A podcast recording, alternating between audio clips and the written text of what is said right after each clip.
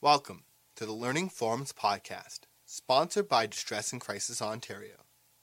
Learning Forums offers programs specifically designed for DCO member organizations. This podcast is meant to inform, educate, and support your work. Enjoy the program, and we welcome your comments and feedback at learningforums.ca slash contact with the subject podcast.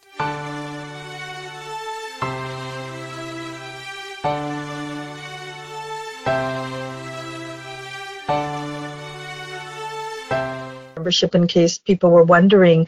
Um, two things were ha- are happening probably is you're, you're dealing with your staffing and having to share information with them and being prepared for some type of, um, you know, lockdown if it gets to that point and sharing information when people are calling on the distress and call lines asking and worrying and wondering what is happening so being able to support your staff to give out information that is accurate and constantly evolving. So I'm hoping that um, we can achieve that too. So when I did this PowerPoint yesterday, we had um, Jackie, if you can throw up the one screen on the Where Are We Now? Um, we had 93 cases of respiratory illness across the province uh, sorry, across the country. And as of this morning, that number had moved up to 103. We still have 39 in British Columbia. Our numbers in Ontario have moved between yesterday and this morning from 36 to 42 and 14 still in Alberta, so they're not growing. And yesterday we had four in Quebec, but this morning we had seven. So it's,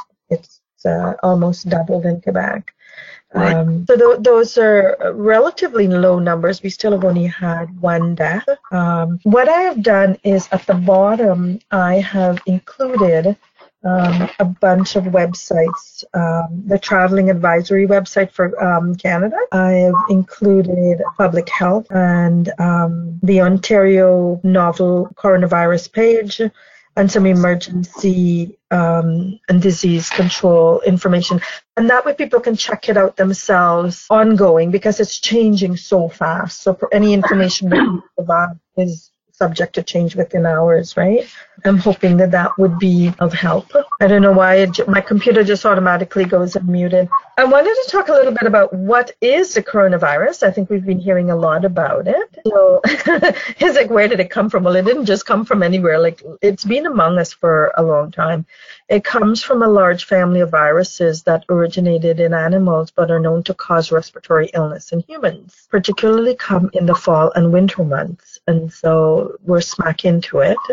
We SARS is one strain of that virus. MERS, when we had that back a couple of years ago, that was part of the same strain, like the a likely strain from the same family. So it's not new, other than this one here, the coronavirus of 2019, is a, a different strain, no different than when we have different strains of the flu and cold virus. It was identified as an outbreak from pneumonia. I mean, we have a lot of people dying over the winter, cold and winter season from pneumonia anyhow. I mean, we have more dying than we actually have so far that has happened with coronavirus here in Canada. So while it is a concern, I'm thinking that we need to use some caution as we share information and we make preparations for what is likely to happen. I included a link, ontario.ca slash coronavirus, and they have all of the latest statistics. They're constantly evolving that information as they get information from overseas and locally in the area. So they're working really hard on updating that. So people can update themselves on that and probably provide that to their telephone staffers, like the responders, in case people are asking, so that they are up to date on that information. Any questions so far? Comments? Nope, all good. All right, moving along. So, what is the risk? Public Health Ontario advises that the risk to Ontario Ontarians is still really low. It's still considered um, some systems use a level one to four, with one being the least and one being that of what the cold and flu would normally pose for us in the winter season or in the um, fall cold and flu season. Some some measurements go backwards. They measure it from four to one, four being the least. So when we're looking at levels, we just make sure that you know which one is highest in level because then you can get really worried. So we're still at a level one for concerns around the coronavirus. It originated in Wuhan, China. It's spreading a lot in the European countries because people are traveling an awful lot. Um, the virus is actually more contagious before you get symptoms, just like the flu or the cold, you know, you're much more contagious. So when people are coughing, although they spread it, they probably have spread it before they started coughing if they haven't practiced good hand hygiene and good coughing practices and those sorts of things. So I think that's the part that we should worry more about. Like, you know, we should be worried more about saying, you know, everybody, whether you have symptoms or not, practice good, you know, whole, good health hygiene and social distancing, you know, like I'm laughing because one of my, uh, one of the therapists was like, I'm coming in close contact with my client. And so should I be worried? And I'm like, well, I'm worried when you say close contact because close contact means that you, you know, you're less than three feet because the social distancing, the average social, di- yes, I said if your client is sitting in your lap or you're sitting in their lap, I have some concerns, other kinds of concerns. so, yeah. so, you know, let's be really clear what those terms mean in a normal social distancing, you know, about three feet if you are away from anyone. So if someone is coughing five feet, it's not a good idea. You know, they should still cover their cough, but at five feet, you're not going to come in contact with it. And at a distance that is likely a concern is that, you know, typical social distancing base, which is about three feet. And you know, when you talk about uh, countries that are that are quite uh, dense in population, it, you know, the social distancing piece becomes quite important. Um, practicing some of those good um, stuff that our mums taught us way back uh, is, is not a bad idea. The uh, symptoms of the virus, that if you're infected, you're going to get a fever, you're likely to get a cough because it's a deep respiratory uh, infection. It'll go right straight into the lungs, and so you're going to have a cough and you're going to have some difficulty breathing. So that's um, kind of the de- defining difference between whether you're likely to have had an infection from the virus as opposed to if you've got allergies. Because if you have allergies, your nose are going to get stuffy, your nose are going to run. You're probably going to have a cough too, but you're not going to have a fever for sure. The I can't seem to mute that phone. I don't know how to do that anyhow um, so those are kind of the symptoms that you would probably experience if you are infected. So um, and the piece is that if you have a fever you have a cough you have difficulty breathing tell your doctor first before you show up at their office so that you know they can walk you through. If you don't go and share it there or call you know public health or telehealth and, and they can walk you through because they're very versed in being able to diagnose without seeing you and giving you some medical advice. Some questions so far or comments? It's all about common sense, right? Yeah, I think mom wasn't so. I was telling my two teenagers, I said, "See, mom wasn't so ridiculous after all." And they're saying, we see all of the um, expectations and all of the advice, none of them said, "Listen to mom." I'm like, yeah. well, they should. Should say listen to mom. She knows what she's talking about. yeah. You know? So then I went into the protect yourself and protect your community. So what can we do to not um, spread it? Um, you know, cover your nose and mouth when you cough or when you sneeze, using tissue, um, cough in the crook of your elbow, uh, throw the tissue out, change your garbage frequently, wash your hands, use soap and water, especially after you cough or sneeze or before eating. And I always say to the kids, when you come home when you've been outside or when you've handled money, because those things get around and you don't know where they've been, you know, so wash your hands. Use alcohol-based hand sanitizers if you don't have access to water. In the work environment, we're recommending that people add more because it's going to go through a whole lot faster right now than it has been. So, you know, if you haven't got them installed, make sure that you have more installed for the staff. If you get sick with a cough or fever or difficulty breathing, stay home. Call telehealth. I've added the number for telehealth, and I'm recommending that um, that organizations post these things up so it's readily available. Because when people go into panic, they don't know where to find this information and, and, they, and it just gets mayhem. If you've traveled outside of Canada, either to China or any of the identified countries, and that those identified countries are shifting and changing rapidly. So that's why I included the link so people can check it rap, like regularly so that they're updated World Health Organization yesterday declared a pandemic. So it's actually spreaded over 80 countries. So once it gets to about 80 countries and above, you know, they say that they have a pandemic. So it doesn't mean that we're all dying. It just means that it's, it's in many, many countries. So check where they are. And if you've traveled or come in contact with anybody who has traveled to those countries, it's important that you be cautious. People are self isolating for 14 days because that is the incubation and spreading period. Um, so if you've come in contact, you've got guests coming to you, or you've come in contact in a public place, it's probably good safe practice to self-isolate for 14 days if it's possible um, so that in case you are it's not that it means that you are so when, i think when people are hearing that people are self-isolating that they feel that people have it but because you're self-isolating doesn't mean you have it. You're just trying to contain it. So like you know just regular good practice. And here's the hoarding and storing piece. Basic first aid items you should have. It does not include toilet paper. There's nothing left anyway. That's what I'm hearing. I find it a very fascinating thing. I find it an incredibly fascinating thing. And I, I think the fascinating part of it is people are saying, you know, um, but the toilet paper is made in China. So, um,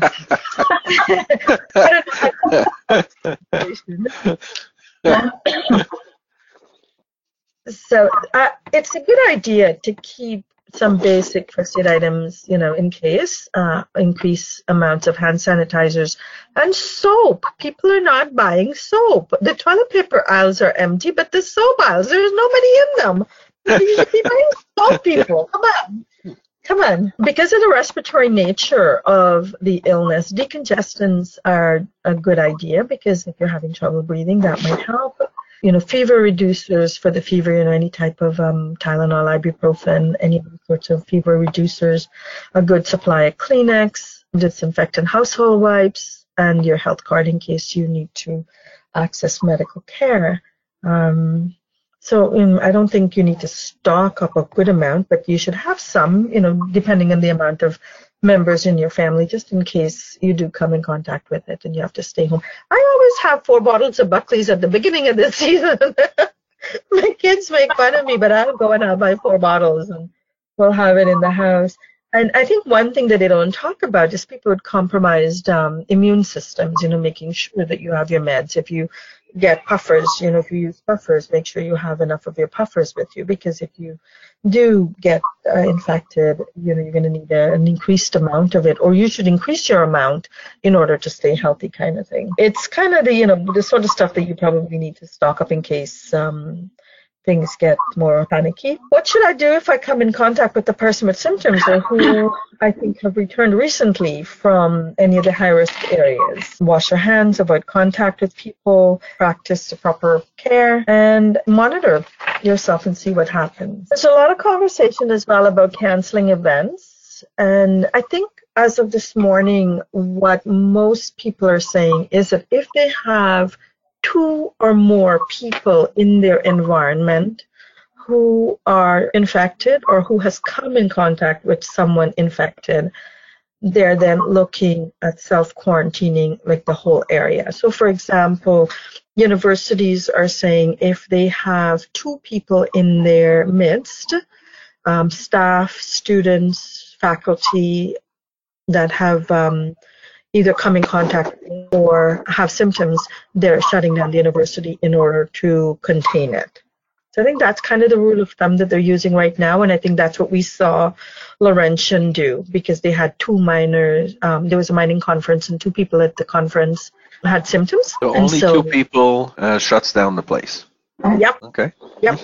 Yep. So Laurentian has closed up all of the universities are getting themselves readied up to go virtual for classes and exams. So centers, so I think my one recommendation would be for some of the centers to consider if they're forced to close down because the government says that you should, being able to provide some service from home. You know, like is there any telephone services that you can provide from home?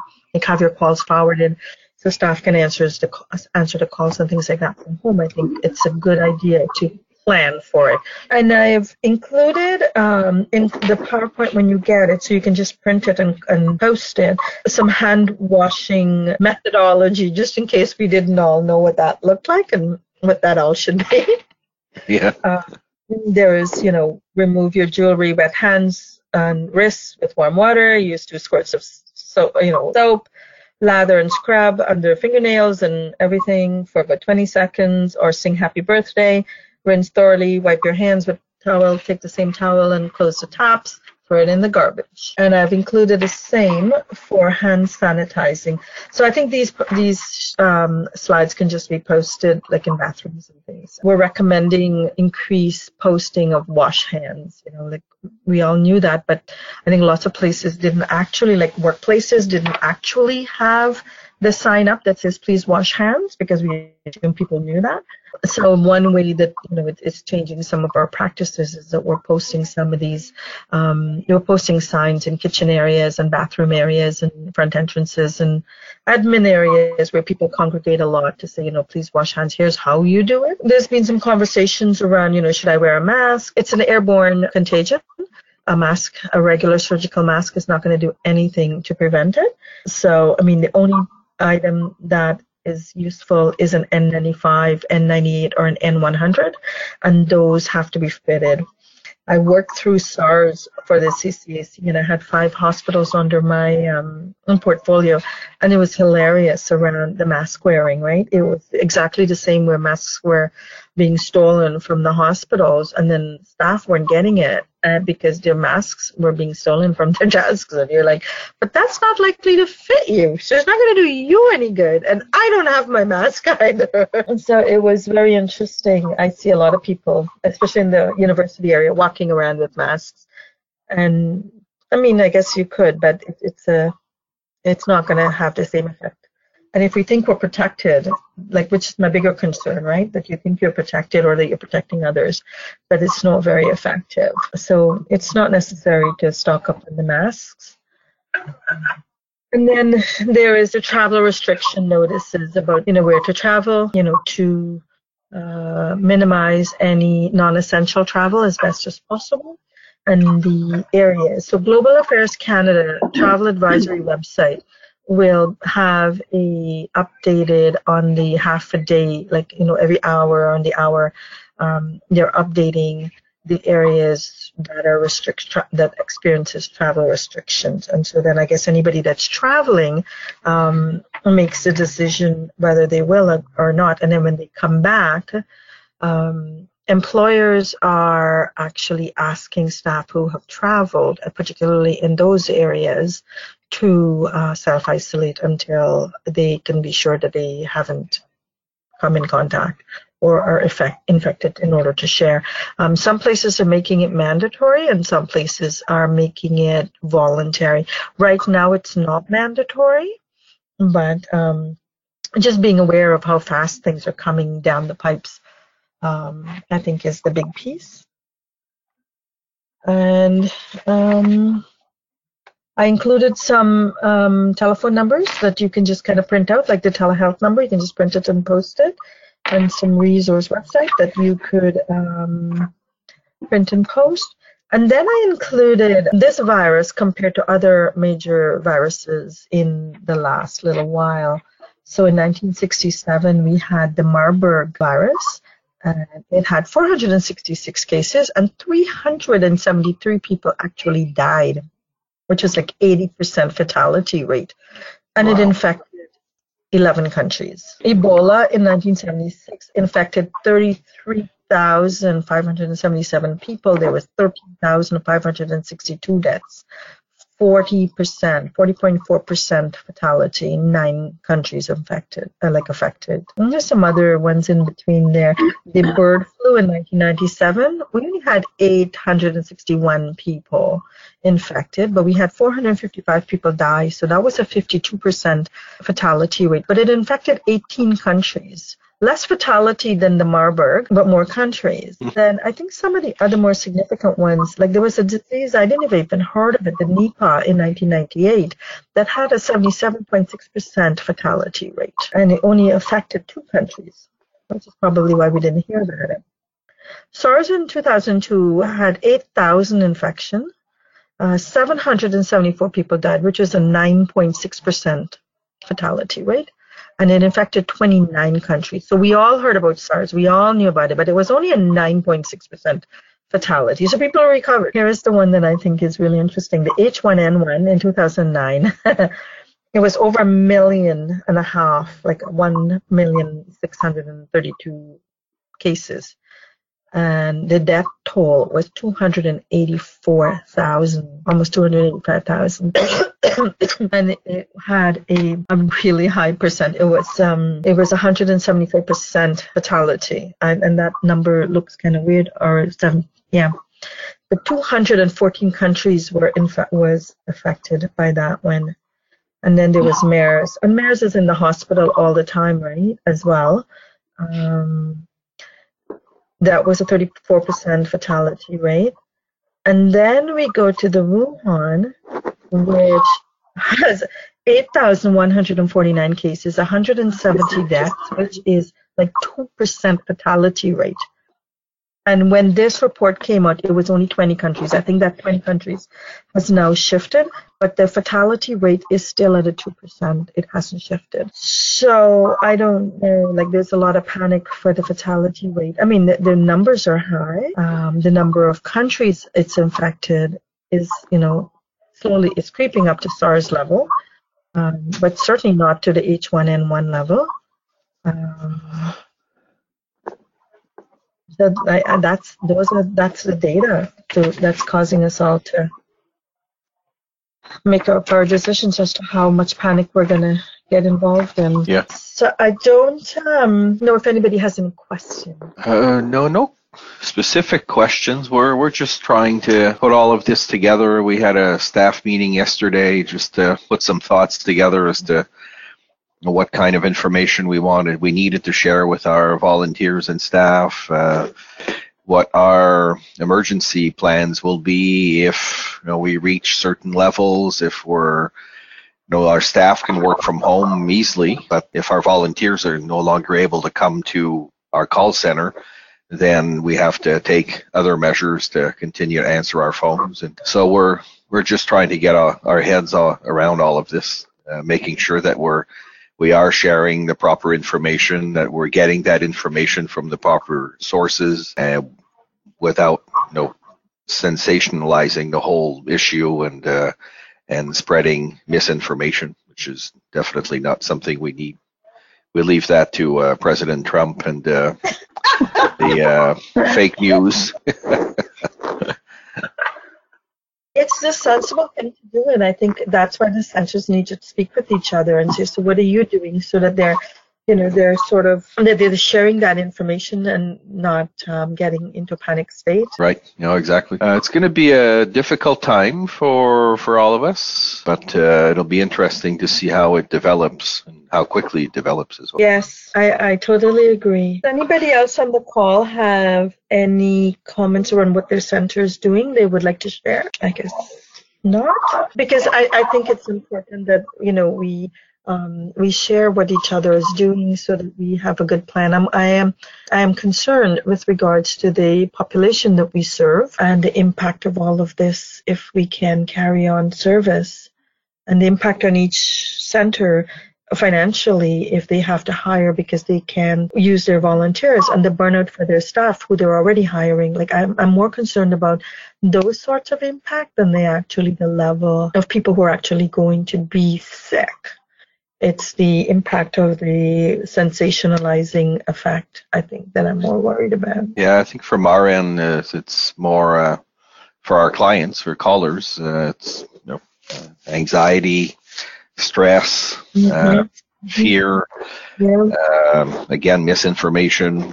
Yeah. Uh, so, you know, we're going to be, I'm sure, getting plenty of calls for uh, emotional support, also providing proper information, guiding them to the proper websites, to, in our case, the Ottawa Public Health, so that they can get the right information. They can read it themselves. They can speak yes. to the right people if they need to within the, the public health organizations, you know, just try and be there for them and, and guide them in the right direction if they're, exactly. if it, you know their anxiety takes them off track. That's it. Like our our type of business gets even busier because people's anxiety levels. I worry about caregivers who are supporting individuals, you know, with already compromised immune systems, and they can't go out, and their level of isolation and the impact on their mental health, and, Yep. and how to reach them to let them know that there are services. Like please call. Um, somebody is available to listen and, and, and help and support or the elderly who are going to be even more isolated as an outcome of all of this Yeah, that's right. and how that's going to affect them. And so at a time when we're likely to have less resources, uh, human resources, we're probably going to get higher levels of call and people need to know that they can call. So the centers are having some, you know, intensive work to do for sure. Yeah, no, for sure. Yeah, you're right. Is there anything that we can do, like the Distress and Crisis Ontario should be doing, support the centers in all of this? I can't think of anything specific. I mean, this this kind of thing is useful. There may be, you know, as the situation develops, there may be a need for an additional webinar to provide you know, more information at some point down the road. Hopefully, we don't get to that point. But if we are seeing some centers having to close their doors, you know, just for a period of time, who knows? Maybe there's some kind of a coordination role where centers can work more closely together. Uh, I'm not haven't given that too much thought yet. Hoping we Yeah. don't get to that point, but that could be something to, to look at in the near future, or at least Absolutely. keep in mind. You know. Yes, yes. Because then burnout for the staff, if if people can't, um, if you don't have staffing, burnout is going to become quite heavy. So how it is that we um, we try to get ourselves staffed up for the increase in numbers, and how we get information out to let people know that if they're isolated and they can't get out or they have concerns and they don't know how to get it, to call. I think so. There, I think there's an opportunity for us as well as an, a, a real challenge. I um Jackie and I have talked about um doing another webinar perhaps on the 23rd or the 24th of Yep. September. Um, September. March. Oh, well, it'll be sort of a wrap up. yes, we will be reviewing what happened in the last month. um, so we'll give it a week or so, and then we will come back and see where things are at and how people are managing. Obviously, if we have to do it a little bit sooner, we'll try. But it's just changing so fast. Everything is Oh yeah, rapid absolutely. fast.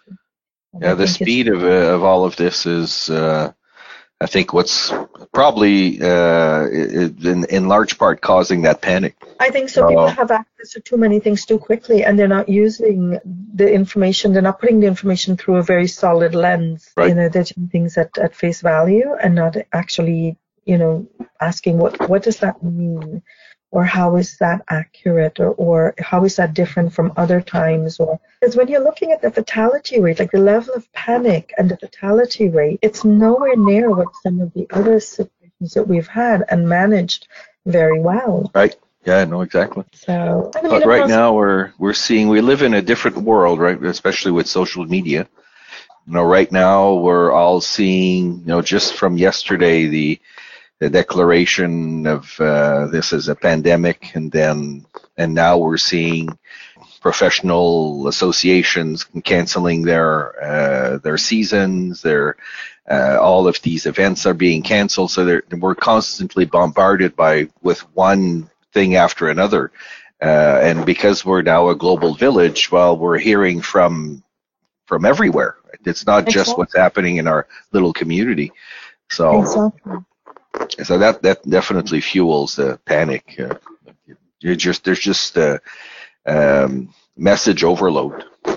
Yes. And people are not asking, how does that relate to me? How does that relate to where I am? Like, I understand that World Health Organization said that we're in a pandemic, but what does that mean? You know, do I hear the word pandemic and I start panicking?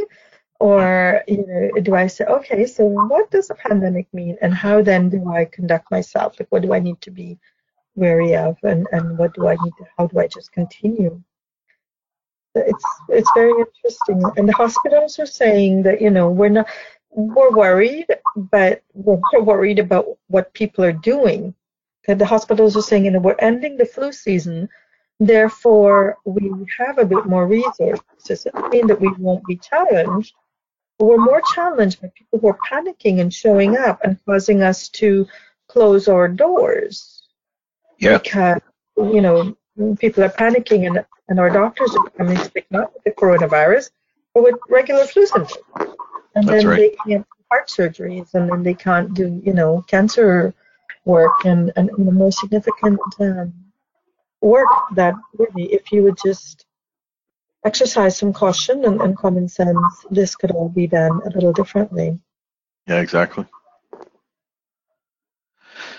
No, absolutely. Uh, if people can you know, manage themselves, uh, get the proper information, go to the emergency room only if you need to, uh, emergency room clinics, whatever. You know, do this.